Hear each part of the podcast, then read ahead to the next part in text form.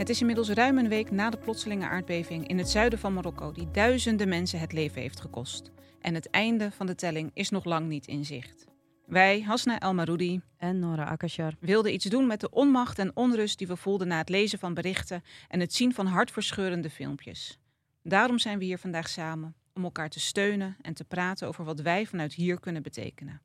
En we hopen vandaag via deze uitzending geld in te zamelen voor verschillende belangrijke organisaties. Bijvoorbeeld ML Women's Training Center, Rift Tribes Foundation, Stichting RISC en EVA, Education for All. Je vindt de organisaties terug in de show notes, net als alle dingen die zij doen. Of op lilithmac.nl. Welkom allemaal. Jullie luisteren naar een special van Lilith Magazine. En we mogen opnemen bij Dag en Nacht Media vandaag. En uh, nou, we hebben het over de aardbeving en met name over de nasleep hiervan. Aardbeving in ons vaderland. Uh, dit doen we niet alleen. We hebben twee bijzondere vrouwen aan tafel. Uh, schrijver Aya Sabi en podcastmaker en maatschappelijk werker Miriam El Meslouhi. Welkom.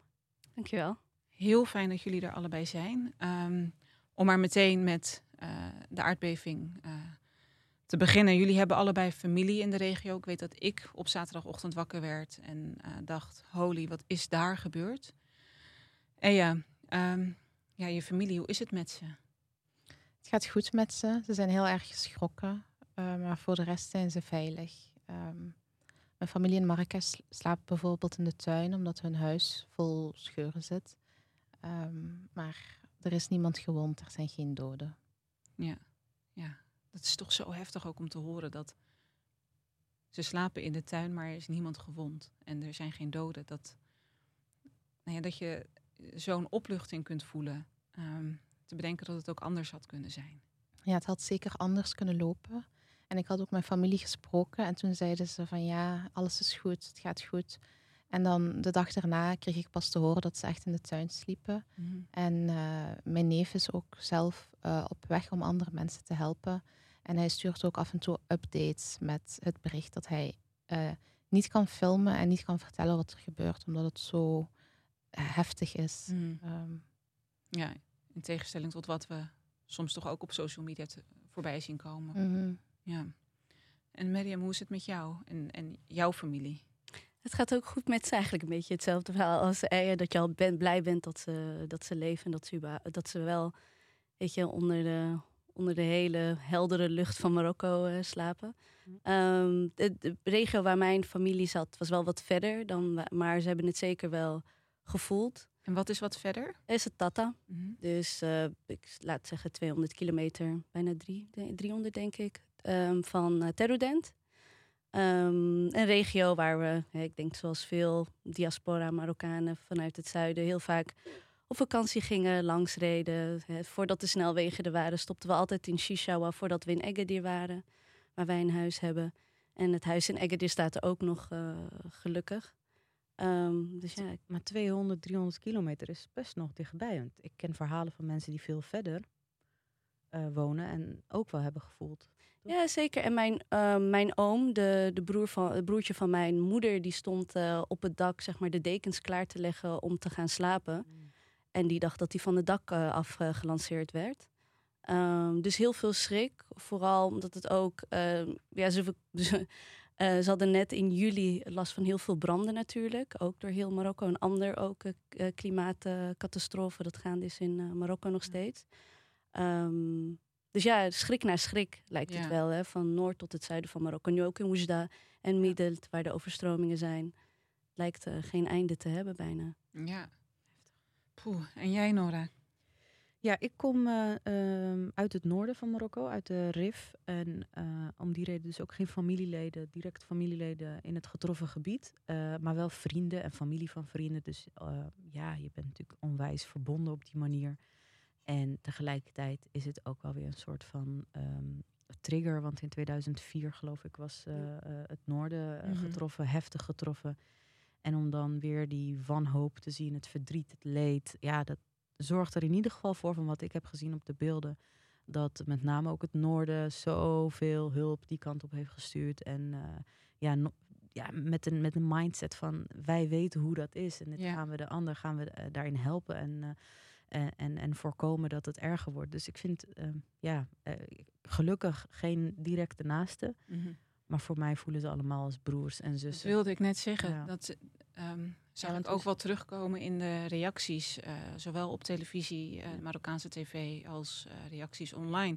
Dat, ehm, nou ja, mijn directe familie is ook niet getroffen, alhamdulillah. Alhamdulillah. Ehm, maar wanneer je de, de, de televisieuitzendingen ziet en je ziet die beelden voorbij komen, dan denk ik, ja, dit had ook mijn broer kunnen zijn. Het had ook mijn neefje kunnen zijn. Het voelde zo, het, ik voelde me en voel me zo verbonden met die Ja. mensen daar, dat ik het ergens ook wel bij mezelf betrapte dat ik dacht, oh, maar wacht even. We Mm. zijn echt één volk. En Ja, niet, niet allemaal hetzelfde misschien, maar we zijn wel echt één volk. Ja, misschien een gekke vergelijking, maar voor mij is het hetzelfde gevoel als dat ik had met het WK. Weet je, ja, dat was dan wel een beetje de positieve kant ervan. eh, maar de, de, de, de, die emotionele verbinding, dat echt tot tranen toe geroerd zijn omdat er een doelpunt gescoord is. Nou, nu is het tot tranen toe geroerd omdat je die ellende daar ziet. Is misschien niet helemaal een fijne vergelijking, maar qua eh, de, ver- de verbinding die ik heb met Marokko en met de mensen daar, is dat wel een beetje wat, wat ik voel. Ja. Maar jij komt zelf niet uit die omgeving, zei je? Ehm, nee, wij komen uit eh Rabat, uit de hoofdstad. En mijn moeder is op dit moment nog in Marokko. En ehm, Oh. nou, die heeft dus ook buiten moeten slapen, omdat het zo heftig Ja. was. En het is op zo'n gigantische afstand dat je alleen maar soort in verbazing kunt nadenken over hoe heftig het dan voor de mensen in het gebied zelf moet zijn geweest. 500 Ja, 400, 500 kilometer daar vandaan. En, ehm, tussen hier en Parijs ongeveer. ja, nou dat is nog net iets langer. Zes geloof ik, maar dan nou ook nog steeds ontzettend ver weg. En ehm, de naschokken ook die er zijn geweest daarna. Dat in Temsna, wat, rond, wat vlakbij Rabat ligt... eh, daar kregen de inwoners van appartementencomplexen op een gegeven moment van de overheid te horen. Jullie moeten uit jullie eh, Ja. appartementen, Ja. want er komt een naschok. En we, ze kunnen niet garanderen dat, je die niet, dat, dat jullie huis overeind blijft staan. En dan ben je dus op zo'n gigantische afstand en dan kunnen ze dat niet garanderen. Ja, ik ben heel blij dat mijn moeder veilig is, maar nou ja, schrikken doen we natuurlijk wel. Zeker. Ik vind het wel mooi hoe in alle gesprekken die ik de afgelopen dagen heb gehad, waarin onze eh, heritage, ehm, ja, Ja. heritage, nalatenschap. nalatenschap zo open wordt besproken. Ehm, ook woensdag bij de benefiet had iedereen het eigenlijk over, maar waar kom je vandaan? En dan heb je verhalen, mijn vader daar, en mijn moeder daar, en mijn oma hier en zus. Ja. Iets waar we niet altijd voor gecomplimenteerd eh, werden als diaspora hier in Nederland en België en in eh, Frankrijk. Maar dat is nu een non- niet- een Ja, non-discussie. nou, hartverwarmend ook. De vele, dat zullen jullie vast wel herkennen, de vele appjes van mensen die dat dan Ja. horen en lezen. Van, hè, heb je familie daar, ben je oké? Van, van niet-Marokkanen. Eh, eh, de vergaderingen waar ik, eh, waar ik kom, waar ze eerste twee minuten toch stilstaan bij wat er gebeurt in Marokko. En nu helaas ook Libië door een overstroming. Ehm, dus ik, ja, ik vind het ook wel iets verbindends hebben. Helaas dat het door zo'n eh, ehm, aardbeving dan moet, maar het, het Ja. verbindt wel. Misschien is het ook goed om even eh, in te gaan op dit eh, specifiek gebied in het eh, zuiden van Marokko. Het epicentrum lag in de regio El Hous. Dit ligt in het Atlasgebergte, ongeveer 70 kilometer van Marrakesh vandaan. Jullie kennen de regio goed. Marjam, jij was er in juni dit jaar nog voor het laatst en jij een aantal weken geleden. Eja, wat voor gebied is het? Ja, het is een heel mooi gebied. Hè? Ik denk dat die verbondenheid ook komt vanuit het idee dat ons iets groots overkomt. En het kan ons allemaal overkomen. Het is de natuur die ons overrompelt. En dan kan je eigenlijk alleen maar in bescheidenheid eh, terugkijken of je kwetsbaarheid en je onmacht onder ogen zien.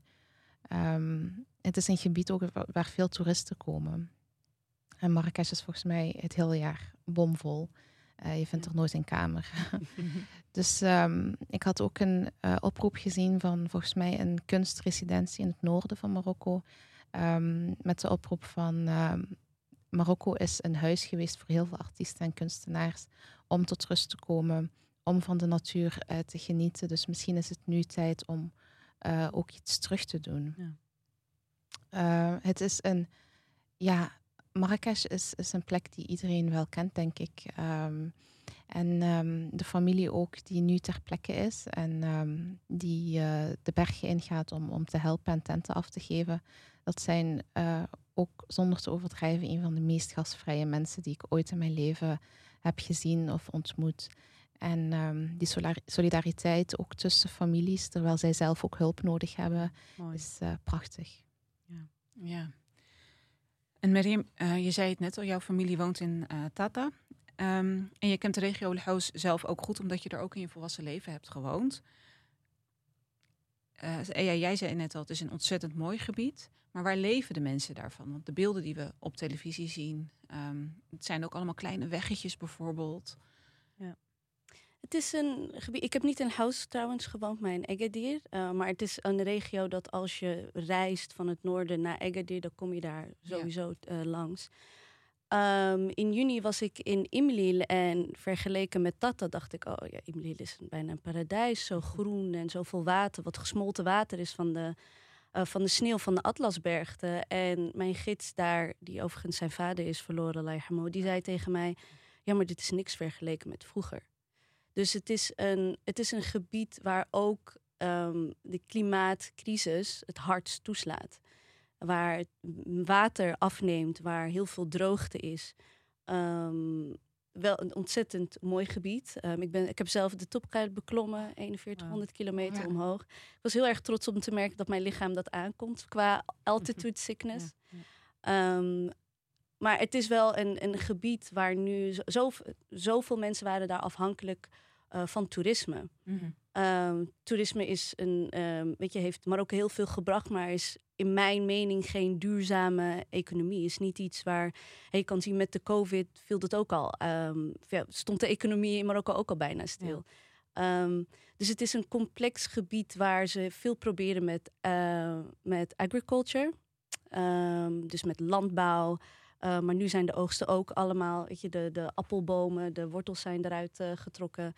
Um, dus het gaat, het gaat voor de komende maanden, wel niet jaren, nog moeilijker zijn voor een gebied die het al moeilijk had. Ja, ik heb een aantal jaar geleden inderdaad zelf ook de Tubgal beklommen. En dan ga je ook via Imlil. En wat mij toen zo, um, ja, waar ik toen wel getroffen door was, is dat het niet heel erg makkelijk is voor uh, bijvoorbeeld auto's om daar te komen. Dat op een gegeven moment is het gewoon klaar en ja. uh, dan gaat de ezel met je mee of, of je eigen rug. Ja, ja, ja, ja. En dat is nu ook um, een paar, een, een groep, weet je, gewoon initiatiefnemers, mensen die in Marrakesh wonen, zijn nu ook aan het denken aan, moeten we niet iets met die muilezels doen? Weet je, mm -hmm. de, de wegen zitten nu heel bijna geblokkeerd met al het hulp dat er komt.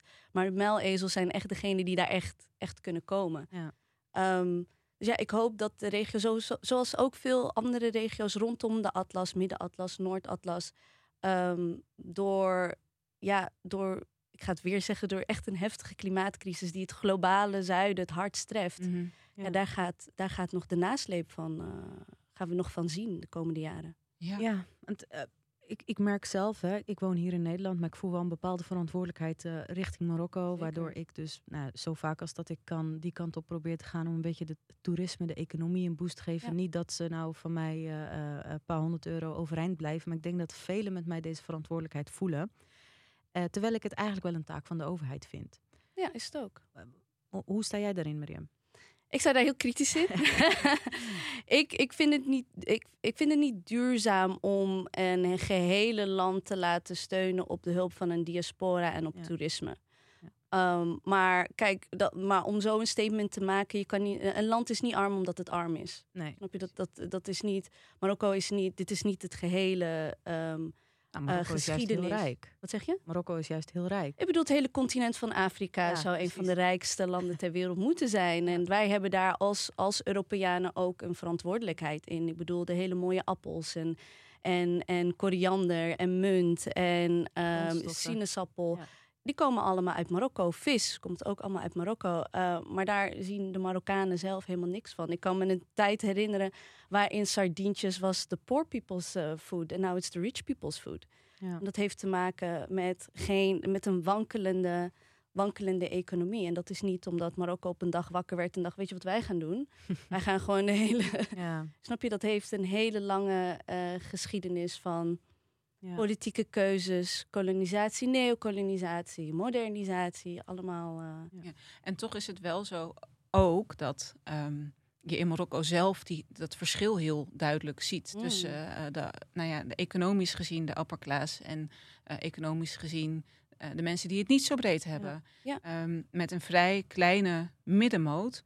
Um, en ja, even nou, ik ben ook wel benieuwd naar hoe jij er dan tegenaan kijkt. En, wat, en of jij weet wat voor soort relatie de mensen die in dit gebied wonen met de overheid hebben, bijvoorbeeld. Ja, ik denk dat dat een heel belangrijke vraag is die je stelt, omdat er zijn nu heel veel solidariteitsacties en eh, de diaspora draagt Marokko voor een heel groot deel. De vraag is gewoon van uh, in hoeverre zitten wij dingen te doen die de overheid eigenlijk zou moeten doen. Ja. Uh, wat ik ook de afgelopen week, dagen gevoeld heb, was vooral soort van frustratie en onmacht, waar ik niet te veel of te lang bij wilde stilstaan.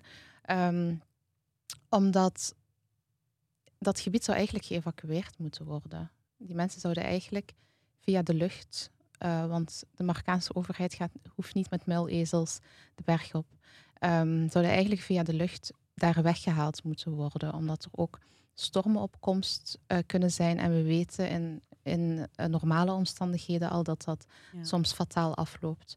Um, het probleem is, die mensen willen daar niet weg, want dat is het enige wat ze hebben. Uh, en wie garandeert hen dat als ze daar terugkomen, dat dat land nog steeds van hen is? Ja. Um, dus ik denk dat het een heel um, uh, ingewikkeld en complex kluwen is, uh, zoals Mariam ook zegt, van verschillende dingen die um, nu opeens allemaal naar boven komen als ja. complete chaos.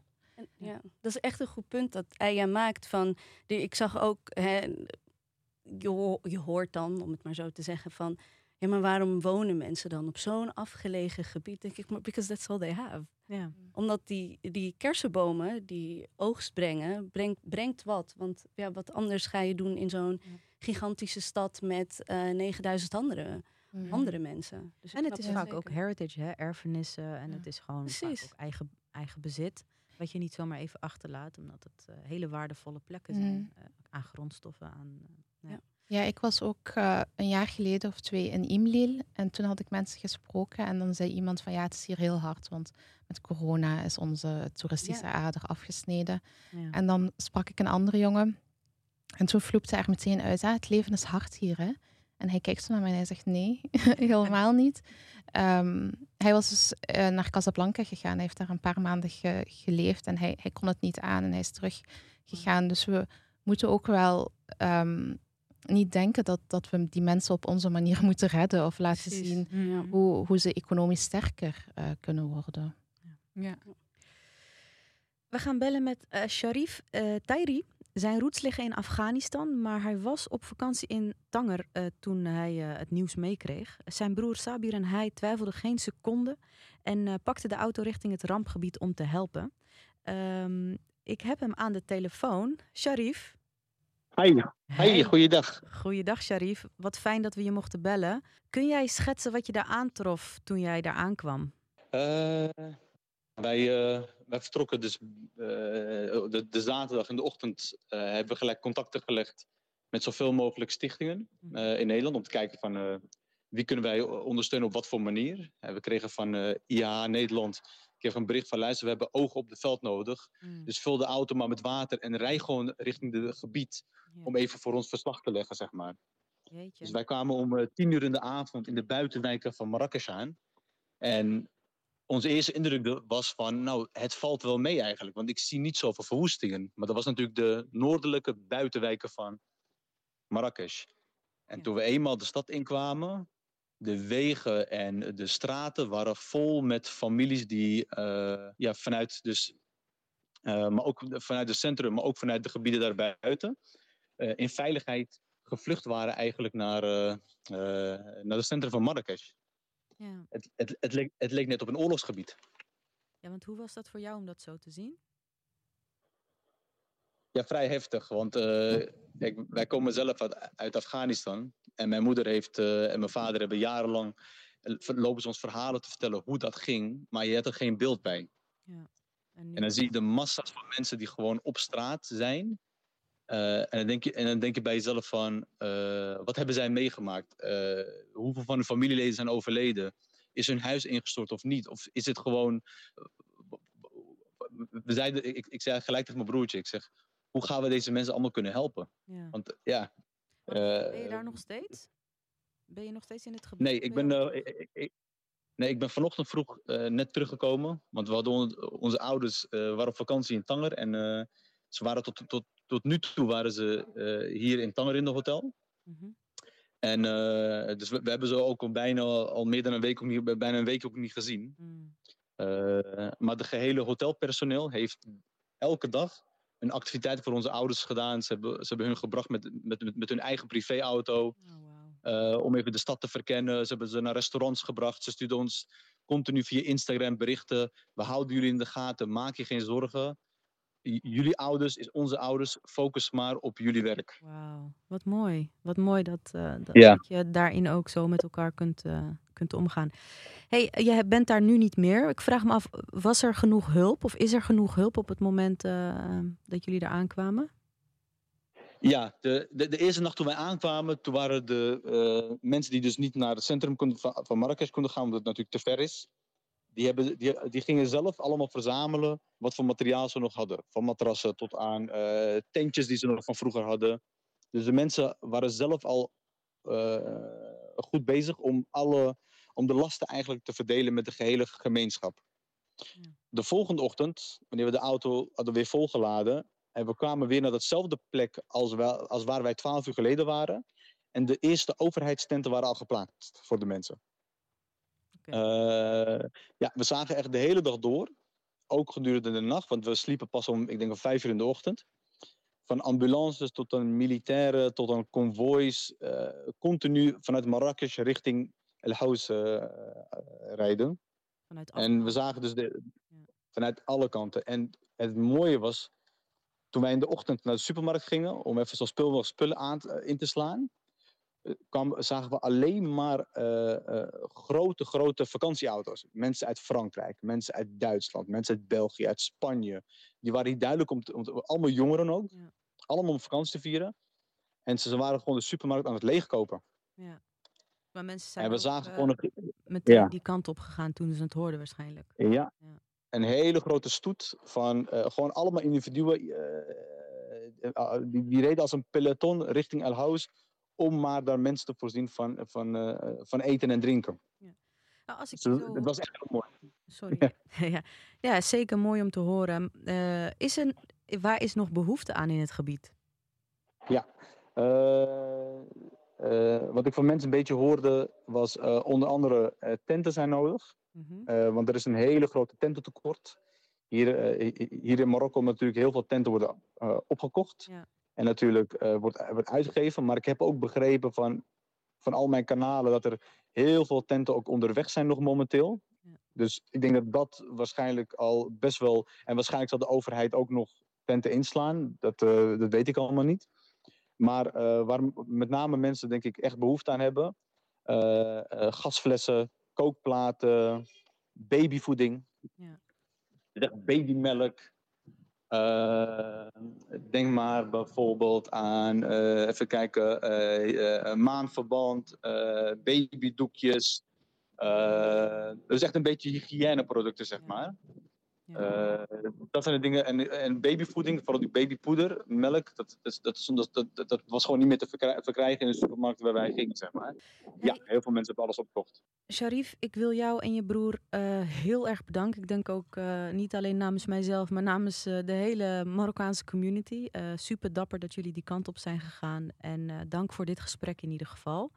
Ehm, ik weet niet hoe, je, hoe lang jullie nog in eh, Tanger blijven, maar eh, eh, nou, heb het goed daar en eh, veilige terugreis.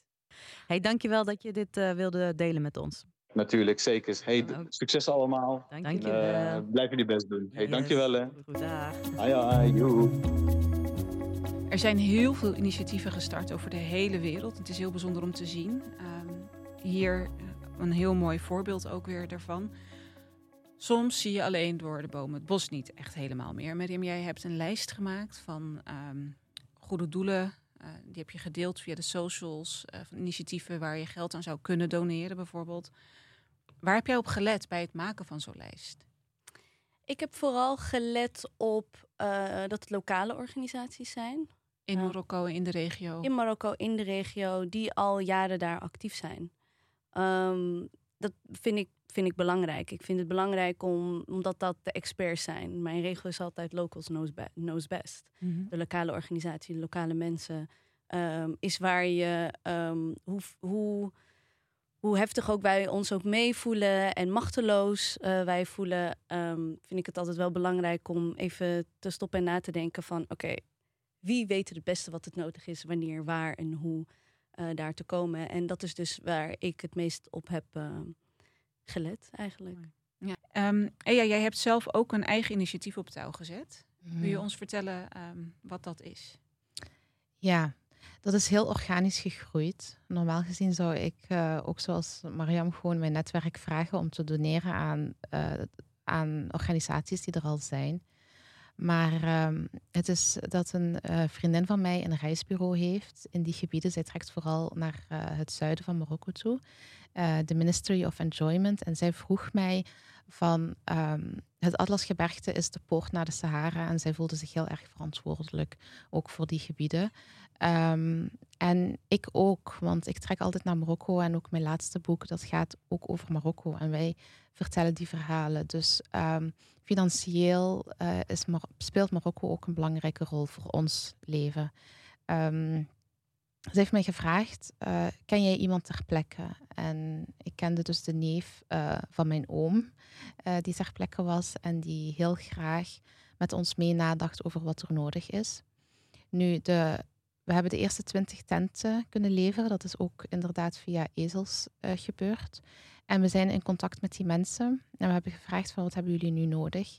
Dit weekend vertrekt mijn neef samen met um, iemand die dingen weet van waterputten want uh, blijkbaar is de elektrische motor van de waterput, het kan tot 100 meter diep gaan, dus daar heb je elektriciteit voor nodig. Dat is natuurlijk stilgevallen. Um, en ze hebben zonnepanelen nodig. Um, en dat vonden wij een heel goed idee, omdat dat een duurzaam idee is en ook langdurig. Dat is iets wat daar kan blijven staan. Uh, dus daar focussen wij ons nu op.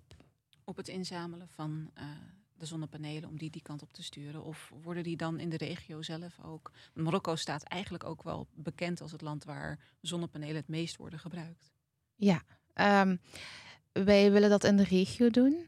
Uh, omdat wij van het, het idee of het principe hanteren van zoveel mogelijk aankopen doen in de regio en doneren vanuit hier. Maar het probleem is dat Marokko ook geen groen licht geeft voor donaties, omdat ze bang zijn voor wat er allemaal misschien mee uh, in die containers kan zitten. Uh, in Antwerpen is er bijvoorbeeld heel erg veel gedoneerd, maar die containers krijgen geen groen licht. Uh, dus wij kopen zoveel mogelijk daaraan. Ja. Goed. En Miriam, jij zei er net al even, had je het over het benefiet ja. die je georganiseerd hebt. Kun je ons iets meer vertellen over wanneer dat was en wat jullie precies gedaan hebben? Ik heb die niet georganiseerd. Lef heeft die georganiseerd. Um, en heeft mij gevraagd of ik een bijdrage wilde leveren, uh, spreken of hosten. En dat doe ik met heel veel liefde natuurlijk. Mm -hmm. um, dat is ook wel fijn. Hè? Je zit dan heel veel achter je social media en je gaat elk filmpje langs. Uh, je bent veel aan het appen en dan is het ook wel fijn om gewoon omringd te zijn door mensen die ja, een of andere reden zich verbonden voelen ermee. Mm -hmm. uh, dus we hebben ook geld ingezameld, ook voor, wat, uh, voor het project waar Eya net naar refereerde. Mm -hmm. um, dus ik, ik, ik, ik, snap het, ik snapte het wel, zeg maar, waarom mensen um, gewoon bij elkaar wilden zijn. Het was in ehm, Theater Bellevue? Het was bij Theater Bellevue. Er was um, akoestisch muziek, er was uh, spoken word, er was poëzie. Um, Hoe was de sfeer in de ruimte? Want ik kan me ook voorstellen in aanloop naar vandaag, deze podcast. Ik heb echt al twintig keer moeten huilen. Ja, ja, ja. Ik heb maar één keer gehuild. um, ja, mensen waren geëmotioneerd. Mensen hebben in het donker in het publiek een traantje gelaten. Dus um, het was echt een, een hele mooie avond. We hebben elkaar heel veel geknuffeld ook. Mensen die ik niet kende, mensen die ik wel kende, mensen die ik heel lang niet heb gezien. Uh, dus nogmaals, shout-out naar Lef voor, de, voor het organiseren van, uh, van het event. Mooi, mooi ja. Ja, iemand anders die uh, ook een initiatief opzette is uh, mijn stadgenoot, Mina El Kadiri. Ook haar familie komt uit de regio die hard is geraakt. twee ooms van haar hebben de ramp helaas niet overleefd. net als een aantal nichtjes. Haar oma overleefde de aardbeving wel, maar sliep dagen op straat. ik heb haar aan de lijn. Mina, ben je er? Hey, alaikum salam. salam. Allereerst gecondoleerd. Ik uh, lees dit op uh, met een brok in mijn keel.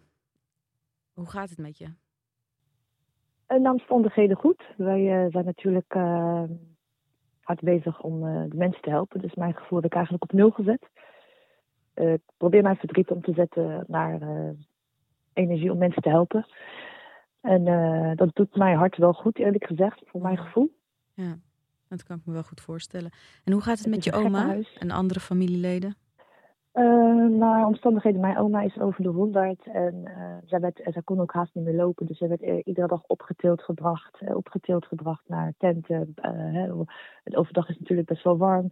eh, parasols moeten regelen. eh, maar ja, dat, dit is niet, ja, dit is zij natuurlijk niet gewend eh, op die leeftijd. Zij zit nu alhamdulillah in een hotel, wat zij ook niet gewend is. Heeft er ook moeite mee. Dit zijn echt mensen vanuit het dorp, die hun, eh, ja, de dorpmensen, die zijn hun eigen dingen gewend. Dus heel moeilijk, heel Ja. moeilijk. Ze hebben natuurlijk ook de aardbeving van 1960 meegemaakt. Ja, eh, Ja, ja, het heel veel op. ja dat, dat kan ik me heel goed voorstellen. En ja, heel veel sterkte in ieder geval voor, voor de familieleden daar. En eh, nou ja, je zei bij een, bij een, in een interview aan een lokale omroep zei je dat je moederhart eh huilt, wat ik me heel goed kan voorstellen. Want waar zet jij je nu voor in? Ik zet mij nu echt in voor kinderen. Mhm. En eh, nou ja, weeskinderen, kinderen die eigenlijk niks meer hebben. Ehm, ik vind dat een hele belangrijke doelgroep. Eh dat is onze toekomst. Ja, zeker. En ehm, deze toekomst die is eh, misschien getraumatiseerd of niet. Ik vind het heel belangrijk dat deze kinderen gewoon echt goed inshallah begeleid gaan worden. En een soort eh, veiligheid, weer geborgenheid terug gaan creëren voor deze kinderen. Eh, er zijn er echt heel veel. We staan er, we staan er waarschijnlijk niet bij stil hoeveel, over hoeveel kinderen dit gaat. Ehm, ik, ik eh, zet mij gewoon echt eh, voorlopig in. Het is niet één week. Ik blijf hier gewoon eh, doorgaan. Ik ben sowieso ook bekend met de weeshuizen Ja. in Marokko, waardoor ik, ja, ik heb natuurlijk mijn eigen stichting. Ik krijg heel veel, ik heb heel veel samenwerkingspartners en eigenlijk de kleurboekjes, de potloden, leuke dingetjes die wij, die de kinderen hier, die wij hier voorzien. Eh, wat over is, neem ik ook meestal mee naar weeskinderen. Dus ik, ja, het is gewoon verschrikkelijk. Het is, het is, het is ongelooflijk. En, ehm, en wat ik hoorde net eh, iemand bij jou zeggen van ja, door die filmpjes, ja, dat heb ik ook. Je ziet ook continu kinderen huilen. Ja. Ehm, eh, verschrikkelijk. Dus ik, ik hoop gewoon al met al, inshallah, dat wij gewoon, eh, want ik ga zondag vertrekken, Richting? zoveel mogelijk richting Raks. Rax. Je bent nu in Nederland op dit moment. Ja, ik ben nu nog steeds in Den Haag. We zijn nog steeds aan het verzamelen. Ja. Ehm, En hoe heet je stichting? Want je had het net over het mooie initiatief vanuit de stichting. de stichting heet Stichting Eskamp voor Vrouwen in Den Haag. Ja. Ehm, ja, dat zegt al genoeg. Ik Ja, zet mij in voor vrouwen en de kinderen. Ja. Sowieso uh, oorlogsgebieden, moeders die ook naar Nederland zijn gekomen met hun kinderen. Wij zorgen dat de kamertjes weer in orde zitten, de geborgenheid, Ja. de leuke sp- spelletjes. Gewoon dat het kind zich veilig voelt. En dit geeft natuurlijk ook weer een goed gevoel aan de moeder. Ehm, dit, dit, dit wil ik ook voortzetten in Marokko. Eh, er zijn weeskinderen, maar er zijn ook eh, gezinnen die ook helemaal weer niks hebben. Die moeten het ook weer opbouwen. Dus het is eigenlijk eh, samen tegelijk wil ik deze ja, mensen graag, heel graag helpen met wat wij hier hebben aan goederen. En ik heb echt veel goederen, mashallah. Het is ongelooflijk hoe Den Haag, Amsterdam, eigenlijk heel Nederland samenwerkt met spullen verzamelen. Ehm, ja, fantastisch. Eerlijk is eerlijk. Ik, ik sta versteld met wat ik ben. Dit had ik niet verwacht. Zondag zat ik ook echt tegen iedereen. Wat moet ik doen? Ik kan dit niet alleen. Ik weet niet wat ik moet doen. Ja. En maandag stond ik er eigenlijk open van oké, we gaan spullen verzamelen. En dit is eh, door iedereen gedeeld. En, en ja, toen, toen is het balletje gaan rollen eigenlijk. Dus daar ben ik heel dankbaar voor dat wij echt eh, heel veel mensen hebben die hier, eh, ja, die hier echt aan mee hebben gedaan. En nog steeds, elke dag word ik gebeld. Ehm, he- willen jullie nog spullen bij komen? Hebben jullie eh, hulp nodig? Dus fantastisch hoe dat eh, gegaan is. En waar ik ook heel erg blij mee ben, is onze Turkse gemeenschap, die natuurlijk in februari die aardbeving heeft meegemaakt. Dat die ons eh, hun expertise van, Nina, je moet dat doen, je moet zo doen. Dus dat, Mooi want hun hebben natuurlijk die weg wel belopen, helaas ook. Ja. Maar door hun ervaring kon ik weer gewoon ja, verder. Wat gerichter. Ja, ik vind Ja. het prachtig wat je doet. Echt eh, hartverwarmend. Maar daar laat je het niet bij. Je, het, het blijft niet alleen bij de inzameling. Want je bent ook bezig met een Nee. groot benefietconcert. Hoe Ja. ver ben je hiermee? En waar, wanneer? Kun je ons daar iets meer over vertellen? Eh, dit, dit kan ik natuurlijk niet alleen. Dit is hè, door, dat doen we samen. Door, ik ben benaderd door Lela. En de burgemeester van Rijswijk heeft eigenlijk ter beschikking de Schouwburg gegeven van goh, jullie kunnen benefiet eh, organiseren. Wij zijn daar nu heel hard mee bezig om eigenlijk zoveel mogelijk netwerken bij elkaar te zetten om iets te organiseren. Dus als jullie eh, dit ook mee willen maken, heel graag. Eh, dan ga ik jullie na de uitzending wel alles vertellen wat en hoe. Datum is nog niet zeker. We moeten nog even kijken welke dag. Maar we zijn ook echt hard bezig met eigenlijk zoveel mogelijk eh, mensen, eh, bekende mensen, eh, van alles om eigenlijk de benefiet op start te zetten. Mooi. Nou, ik wens je daar echt onwijs veel succes mee. En uh, ja, absoluut. Uh, trek ons aan ons jasje als we iets kunnen doen. Um, al is het het verspreiden van de flyer. En dank voor al je mooie werk. En uh, ja, heel veel succes. Samen, hè? Ik doe het niet alleen, we doen het ja, echt samen. dat ik geloof ik. Niet alleen, dat dus alhamdulillah. Ja, dus samen komen we echt heel ver. Dit moeten we eigenlijk aanhouden met eigenlijk met alles. Heel mooi. Ik vind het mooi dat je dat toevoegt. Een veilige reis die kant op. En, dankjewel, uh, dankjewel. sterkte. Dankjewel, dames. Dankjewel. Mina is niet de enige die uh, iets organiseert. Of dat is niet de enige die een benefiet organiseert. Over het hele land zijn er allerlei initiatieven. En jij ook? Ja, ik zit dan over de grens in Antwerpen. Ah, maakt niet uit. Het gaat um, uiteindelijk uh, om Marokko. Maar kun je iets meer vertellen over deze benefiet? Ja, we zijn gisteren hebben we samengezeten om het uh, plan wat op orde te maken. En het is een, uh, een sponsoring, maar dan in de vorm van stemmen. Dus het gaat over um, literaire stemmen, poëtische stemmen, maar ook kritische uh, politieke stemmen, die we bij elkaar proberen te brengen rond het thema van menselijkheid en verbondenheid. Um, en volgende week is er al een eerste evenement in het uh, Café Kahwa. Dat is tien minuten wandelen van het station Berchem in Antwerpen. Um, en uh, het doel is dat de artiesten die komen spreken, dus hun stem laten sponsoren, uh, op zoek gaan naar mensen die hen willen sponsoren. En elke voordracht wordt ingeleid door. Um, deze voordracht wordt gesponsord door en dan de mensen die hen sponsoren. Er is ook een hapje en een drankje. Um, omdat we ook op zoek zijn naar manieren om zo ingetogen mogelijk uh, toch iets te organiseren waar mensen rond, zich rond kunnen verzamelen. En waarom ingetogen? Het is een periode van rouw uh, en iedereen gaat daar mee om op uh, zijn of haar eigen manier. Uh, en wij hebben er daarom voor gekozen om op dit moment alleen maar schrijvers en sprekers aan te spreken. Maar um, zoals ik al zei, iedereen gaat ermee om op zijn of, of haar manier. Maar in de Marokkaanse cultuur wordt er wel eens gevoelig gedaan over lachen op het moment van rouw of muziek op het moment van rouw. Um, maar laten we, ja, ik, ik wil daar vooral geen standpunt in innemen, omdat ik het gun aan iedereen uh, dat ze op hun eigen manier rouwen. En ik denk dat we dat heel goed moeten bewaken. Ja, mooi. Ja, dankjewel.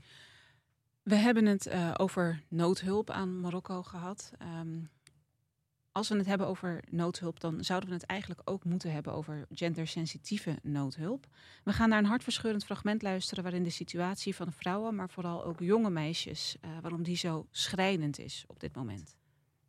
This is an urgent call for help. Following the earthquake in my home country of Morocco, we're seeing alarming risks of gender-based violence, of trafficking, of uh, child abuse and exploitation, of forced marriages, of forced labor.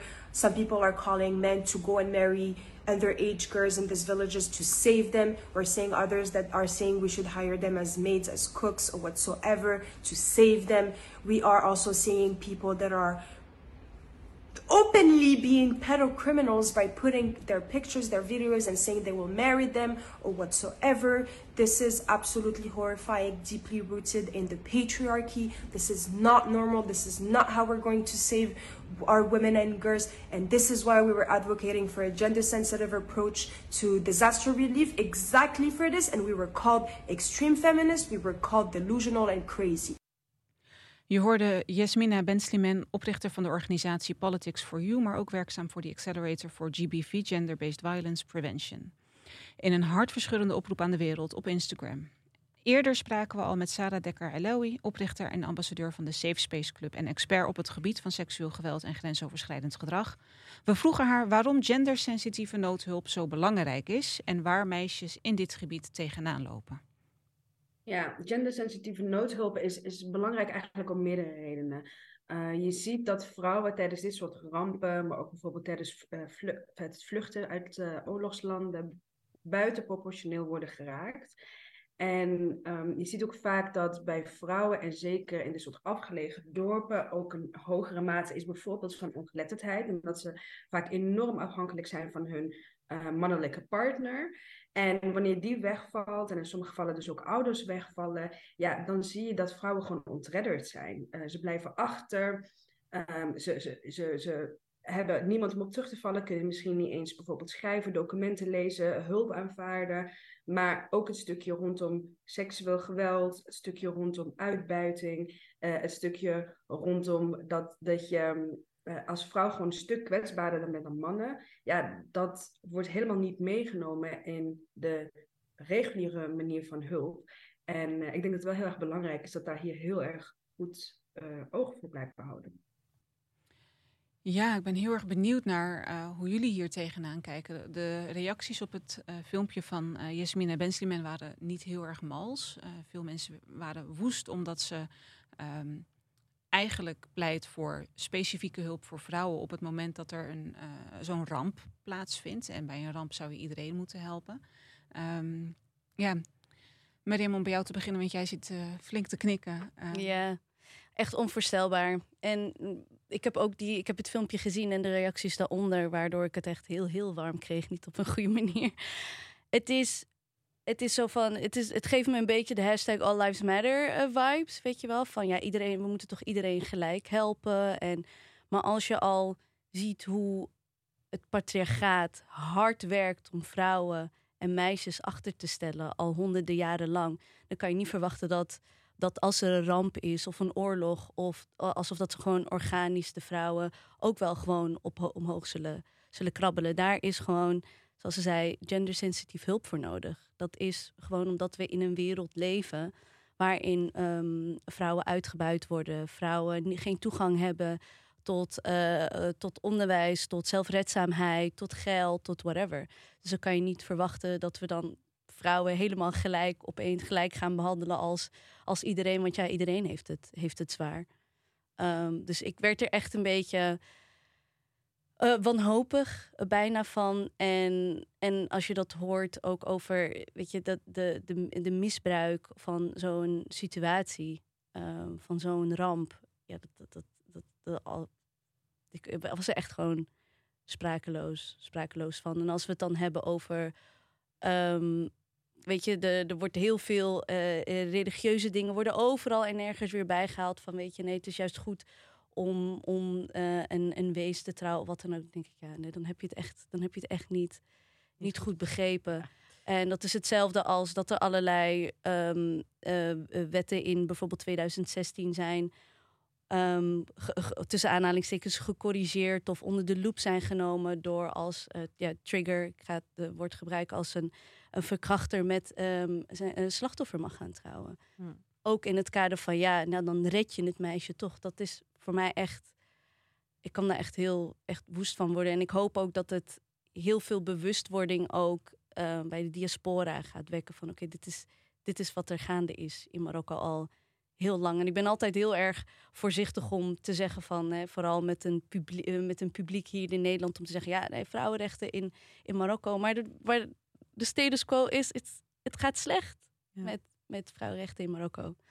En um, dat wil niet zeggen. Wat zeg je? Wereldwijd, maar Marokko in het bijzonder. We, ja, wereldwijd. Ik wil het ook wel. Weet je, we hebben het nu over Marokko. Ik kan het ook wel gaan hebben over Nederland. En dat we uh, waarschijnlijk abortusrechten over tien jaar kwijt gaan raken. Zoals, of ik kan het ook hebben over Texas. Hoe mm. vrouwen daar doodgaan ja. omdat ze niet een buitenbaarmoedelijke zwangerschap mogen uh, eindigen. Maar we hebben het in dit geval gewoon over Marokko. Ja. ja, een van de dingen die ik voorbij zag komen is dat meisjes um, geregeld, vooral uh, wanneer ze wees zijn, uh, nou ja, in feite te werk worden gesteld bij rijkere families. Uh, ja. Als een soort petit bon, waardoor je kost, tegen kosten en inwoning um, voor het huishouden en voor de andere kinderen. Met alle zorgen. gevolgen van dien. Ja, um, en toch vroeg ik me wel af, terwijl ik me zo aan het inlezen was, maar wat is dan gendersensitieve noodhulp? hoe kunnen we dan tegemoetkomen aan de vraagstukken die er kennelijk ja. toch liggen? En heb jij daar ideeën over? Oh ja, je overvalt me wel een beetje met deze vraag. Want ik ging net zeggen dat ik uh, bijvoorbeeld het filmpje niet heb gezien. Mm -hmm. De reacties ook niet zou lezen, omdat het me inderdaad ook heel boos maakt. Ik ben het gewoon eens met wat Mariam zegt. Um, en ik denk ook dat we ownership moeten nemen over het feit dat dit onze verhalen zijn en dat wij recht hebben om ze te vertellen, wie er ook luistert en wie dit verhaal ook kaapt. Precies. Wij moeten er zijn voor onze vrouwen. Uh, feit is dat ze gewoon kwetsbaar zijn en dat ze nu nog kwetsbaarder zijn. Um, en uh, het is belangrijk dat mensen die gevoeligheden eh, dat mensen die de gevoeligheden kennen ook naar daar trekken om die noodhulp te, te, te verstrekken. Ja. En jij, heb jij ideeën over hoe we... Ja, je hoeft het wiel eigenlijk niet opnieuw uit te vinden. Hoe, hoe dat in verschillende. Ik moet dan heel erg denken aan feministen in, Zuid, in Zuid-Amerika en eh, Latino-Amerika. Is waar je vrouwen en kinderen moet gaan beschermen. Extra moet gaan beschermen. Dat niet iedereen daar maar toegang tot kan krijgen. En dat is wel nu een probleem in dat gebied. Dat iedereen met een telefoon gewoon daar, daar, daar binnen wandelt. Ja, dat, is wel, dat is ook dan weer ingewikkeld van hoe bescherm je ze dan en wie laat je dan beschermen en wie vertrouw je dan met, eh, met die bescherming. Maar ik zou in ieder geval beginnen ehm, met in ieder geval als er hulp naar vrouwen komt, dat het ook van vrouwen komt. Ehm, ja, het, is, het is nou eenmaal zo en dat is, dat is eenmaal statistiek. Dat is niet wat ik, iets wat ik verzin of wat mijn mening is. Maar een van de gevaarlijkste dingen ter wereld zijn, voor vrouwen zijn mannen. Ehm, een van de gevaarlijkste dingen voor kinderen zijn ook mannen. En dat, ehm, en dat, is, dat ga- heeft te maken met ehm, gendergerelateerd geweld, gendergerelateerd femicide. Eh, dat, dat zijn statistieken. Dus die vrouwen moet je extra beschermen, niet zomaar toegang tot laten. Dat is hetzelfde als je, als je zegt van hè, we, we willen iedereen gelijkwaardig eh, behandelen en iedereen gelijkwaardig behandelen. Maar als een, een sprinter die al tien jaar sprint opeens een sprint moet trekken en iemand zonder schoenen, volgens mij moet je die met zonder schoenen even tien seconden voorsprong geven, zodat het een gelijke strijd wordt. Ja. En ik denk ook dat je vrouwen nu zeker vrouwen en kinderen gewoon voorop mag gaan zetten. Helder. Mooi. Het is goed om te zeggen dat te midden van deze groeiende bezorgdheid over de veiligheid van kinderen ehm, en vooral meisjes die getroffen zijn door de recente aardbeving, Marokko een groen nummer heeft gelanceerd om deze kwetsbare individuen te beschermen tegen mensenhandel. Met dit nummer, ik ga het toch even opnoemen, 0800 004747, kunnen Marokkanen verdachte gevallen melden die verband houden met mensenhandel of het in gevaar brengen van kinderen. En er klinkt nog meer kritiek. Eh, en die kritiek gaat over de traagheid waar- waarmee eh, de hulp tot stand kwam. Ehm, en het feit dat Marokko slechts eh, hulp van vier landen accepteert. Mariam, begrijp jij de kritiek? Ik begrijp, ik begrijp de kritiek, zeker. Van, van een helikopterview zou je echt denken van waar ben je mee bezig en waarom doe je dat? Ehm, en eh, het enige waar ik heel vaak denk, ook terwijl we hier zitten vanuit best wel een luxe positie, waar we het hebben over onze gevoelens die natuurlijk valide zijn, denk ik ook van als, ik daar, als je daar zit, maakt het je dan heel veel uit waar, waar de hulp vandaan komt? Ja. Ehm, dus ja, ik vind dat heel moeilijk om over. Dat is een politieke discussie die ik zeker durf te voeren.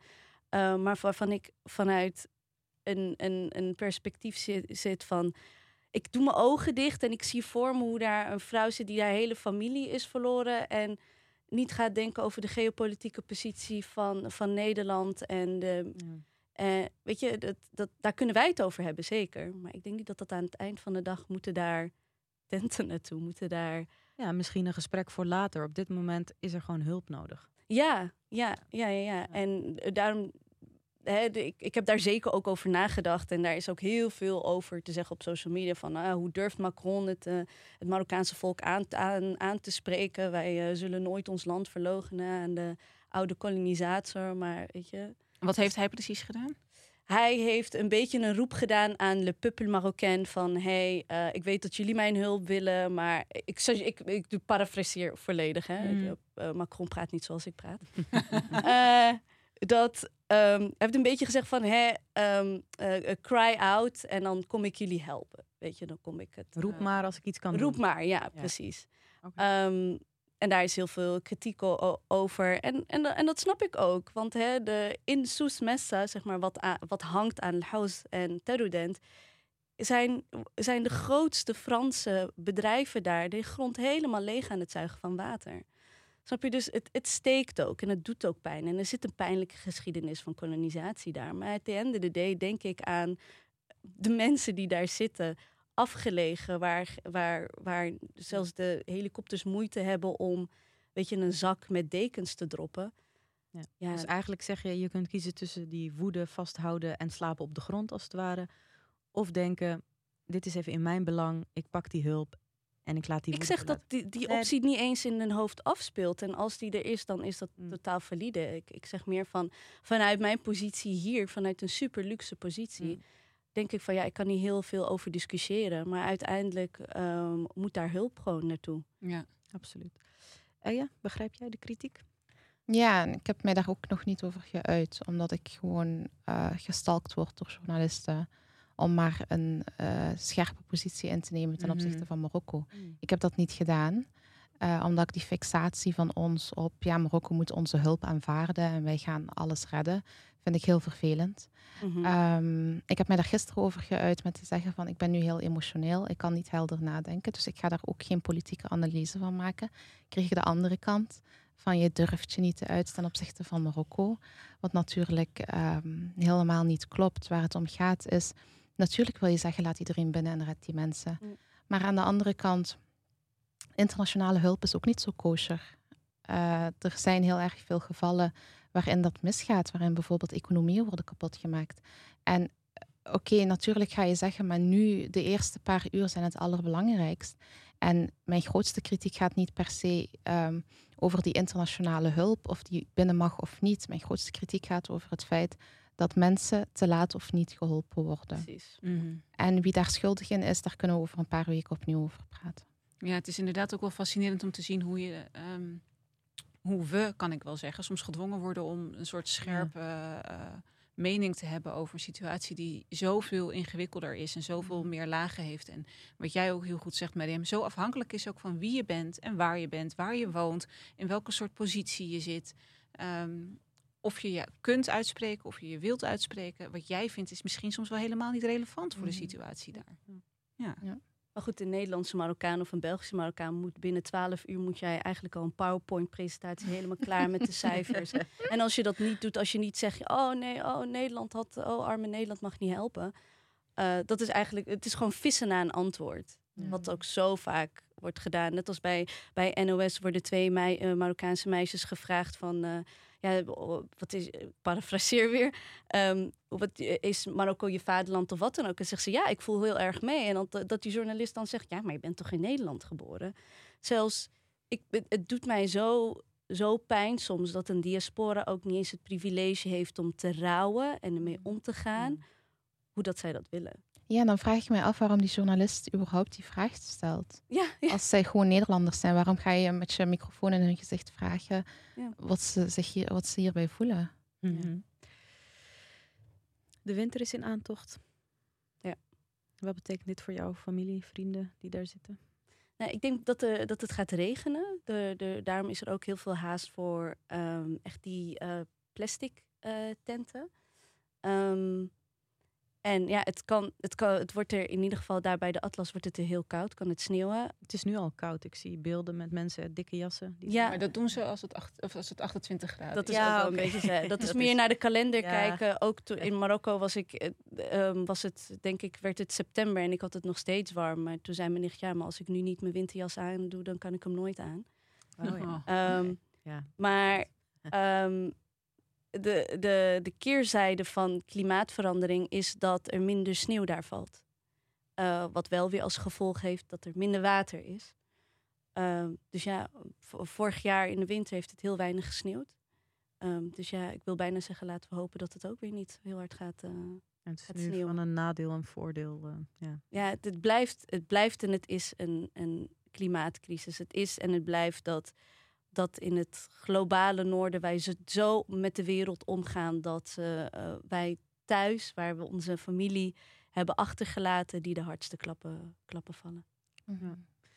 Ja, want er is nu natuurlijk heel veel media-aandacht. En eh, ik- wil niet zeggen dat er nu heel veel meer hulp is vanwege de media-aandacht, maar het helpt wel. Eh, ik ben vooral benieuwd, eh Eja, ehm, hoe, hoe, hoe gaat jouw familie overwinteren straks?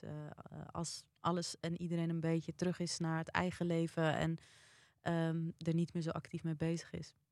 Ja, het is werk van lange adem en ik denk dat we dat moeten vasthouden. Het gebied, deze aardbeving. Er is nu eh, aandacht voor de aardbeving, maar het gebied heeft altijd al hulp nodig gehad. Ja. Eh, en ik was ook een paar dagen geleden, ik ben geen eh, economist, dus ik weet niet hoeveel geld er nodig zou hebben om al die dorpen op te knappen, scholen op te bouwen, wegen aan te leggen, maar ik vermoed niet zoveel. Ehm, dus ik denk dat het belangrijk is om de aandacht vast te houden, dat er veel nodig is. Ook in andere gebieden uh, in Marokko, laten we dat niet vergeten. Uh, nu we het over Marokko hebben. Um, maar daarom willen wij ook structurele problemen um, oplossingen aanbieden en niet problemen oplossen, want dat mm -hmm. kunnen wij niet. Um, maar bijvoorbeeld die zonne-energie, dat zou ervoor kunnen zorgen dat elektrische kachels uh, op een duurzame manier aangesloten kunnen worden. Dus we nemen dat ook mee in onze beslissingen. Mooi. Mag ik jullie allebei heel erg bedanken voor jullie komst. Uiteraard ook bedankt aan onze gasten aan de lijn en op afstand. Sarah Dekker-Heloui, Sharif Tairi en Mina El-Kadiri. Dag en Nacht Media, jullie ook bedankt voor het hosten van deze podcast. Voor meer informatie over hoe en waar te doneren, check de show notes. Mijn naam is Nora Akashar. En ik ben Hasna Elmeroudi. Fijn dat je geluisterd hebt.